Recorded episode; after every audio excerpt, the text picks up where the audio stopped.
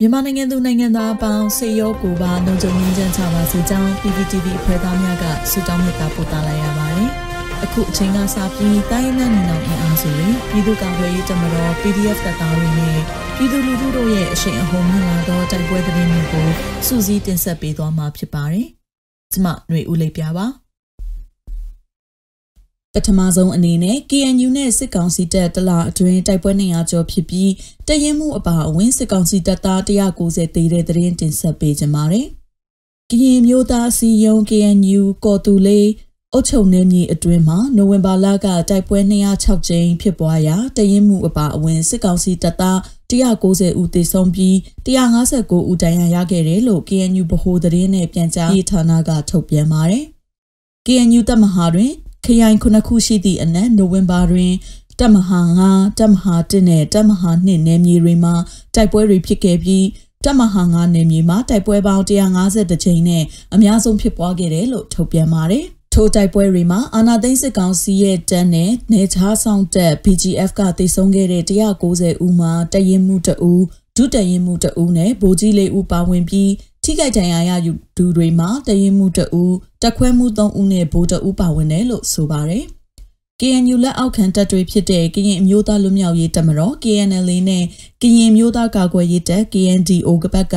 9ဦးသေဆုံးပြီး10ဦးဒဏ်ရာရခဲ့တယ်လို့ဆိုပါတယ်။အာနာသိန်းစစ်ကောင်စီရဲ့တပ်တွေနဲ့နေကြားဆောင်တပ် BGF တွေကလက်နက်ကြီးလက်နက်ငယ်တွေနဲ့ရန်တမ်းပစ်ခတ်ခဲ့တာကြောင့်လူသွားလမ်းတွေအပေါ်မိုင်းတွေထောင်ထားတာတွေရှိတာကြောင့် ပြည်သူလူထု9ဦးထိခိုက်ဒဏ်ရာရရှိပြီးတဦးသေဆုံးခဲ့တယ်လို့ဆိုပါတယ်။အာနာသိန်းစစ်ကောင်စီဟာအောက်တိုဘာ၁ရက်က2022 February 28ရက်အထိ9လတာအပြစ်ခတ်ရစဲမယ်လို့ကြေညာတော့လဲ KNU ကော်တူလေအုတ်ချုပ်နယ်မြေအတွင်းကိုအင်အားပုံမိုတိုးချဲ့ရုံသားမကစီးရဲလှုပ်ရှားမှုတွင်နယ်မြေစိုးမိုးမှုတွေပုံမိုလှုပ်ဆောင်လာတာကြောင့်တိုက်ပွဲတွေရခင်ထက်ပုံမိုဖြစ်ပွားခဲ့တယ်လို့ထုတ်ပြန်ပါတယ်။ စစ်ကောင်စီက9လတာအပြစ်အခက်ရဲစဲရေးကြီးညာခဲ့တဲ့ပထမဆုံးလအောက်တိုဘာမှာတိုက်ပွဲပေါင်း285ကြိမ်ရှိခဲ့ပြီးယခုဒုတိယလမှာတိုက်ပွဲ206ကြိမ်ရှိခဲ့ပါတယ်။ထိုချိန်ဒီမှာစစ်ကောင်စီက9လတာအပြစ်အခက်ရဲစဲရေးမကြေညာခင်လရီအတွင်းထက်ပြစ်ခတ်တိုက်ခိုက်မှုအကြိမ်အကြီးအတွက်ပိုများနေတယ်လို့ KNU ကဆိုပါတယ်။ အာနာသိန်းစစ်ကောင်စီရဲ့လက်အောက်ခံတပ်တွေဟာလူအခွင့်အရေးချိုးဖောက်မှုတွေကိုစစ်စက်မပြတ်အမြဲတမ်းလှုံ့ဆော်ခဲ့တယ်လို့လည်း KNU ကထုတ်ပြန်ပါတယ်။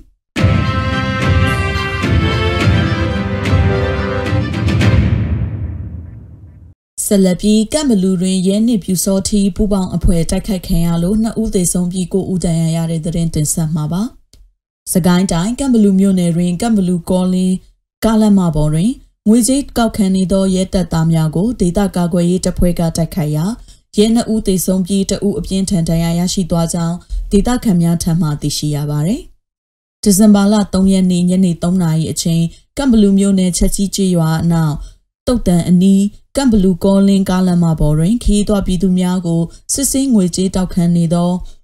ရဲတပ်ဖွဲ့များကိုဒေသကာကွယ်ရေးတပ်ကတိုက်ခိုက်ရာရဲနှုတ်သေဆုံးပြီးရဲတအုပ်အပြင်းထန်ဒဏ်ရာရရှိခဲ့တာပါ။ ရင်းနောက်ချက်တင်းစခန်းထံမှအကူအညီတောင်းခံခဲ့ရာစစ်တပ်နှင့်ပြူစောထီပူပေါင်းတပ်ဖွဲ့ကစခန်းမှစစ်ကူလာရောက်ကြောင်းချက်ကြီးကျွရအနီးစီပင်ဖောကားဖြင့်လူအင်အားအပြည့်ပါသောစစ်ကြောင်းကိုဒေသကာကွယ်ရေးတပ်ကထပ်မံမိုင်းခွဲတိုက်ခိုက်ရာစစ်သားနှင့်ပြူစောတိ၈ဦးအပြင်းထန်ဒဏ်ရာရရှိကြောင်းသိရှိရပါတယ်။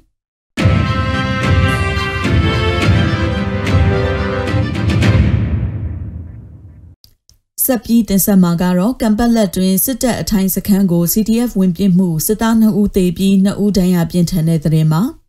ချင်းပြည်နယ်ကံပလက်တွင်ယနေ့နနက်၈နာရီမှ9နာရီအထိစစ်ကောင်စီအထိုင်ချထားသောအထက်တန်းကျောင်းကို CTF ကံပလက်ကဝင်ပြစ်ရာ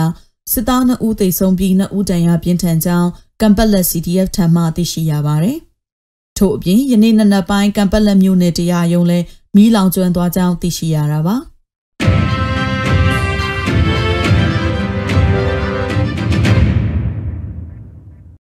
ဆက်လက်ပြီးကလေးမျိုးတွင် PDF စခန်းသိမ်းရန်လာသောစစ်တပ်မိုင်းခွဲခံရမှုကြောင့်စစ်သား3ဦးပွဲချင်းပြီးသေဆုံးပြီးနောက်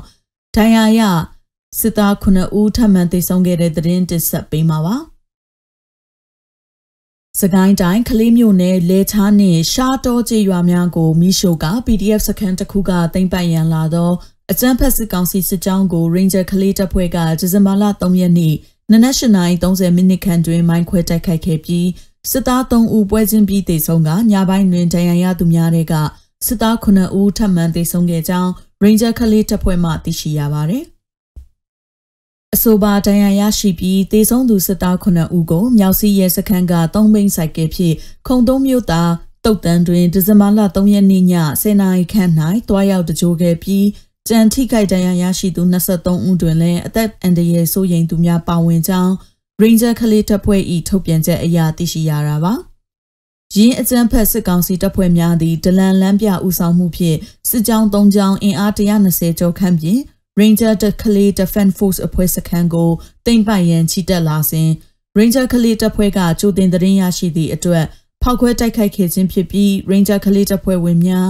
ဖန်စီတိုက်ထိခိုက်မှုမရှိဘဲဆုတ်ခွာနိုင်ခဲ့ကြောင်းသိရှိရပါတယ်။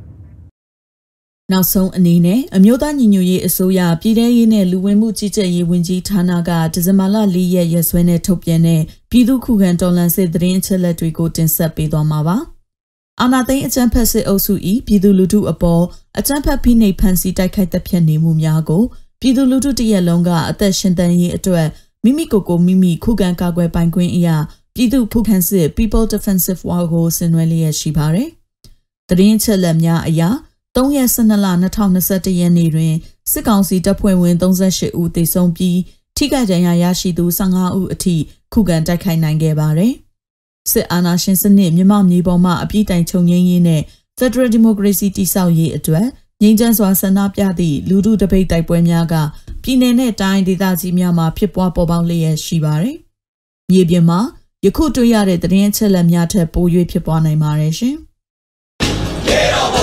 အောင်ရမည်ရေတော်ဘုံအောင်ရမည်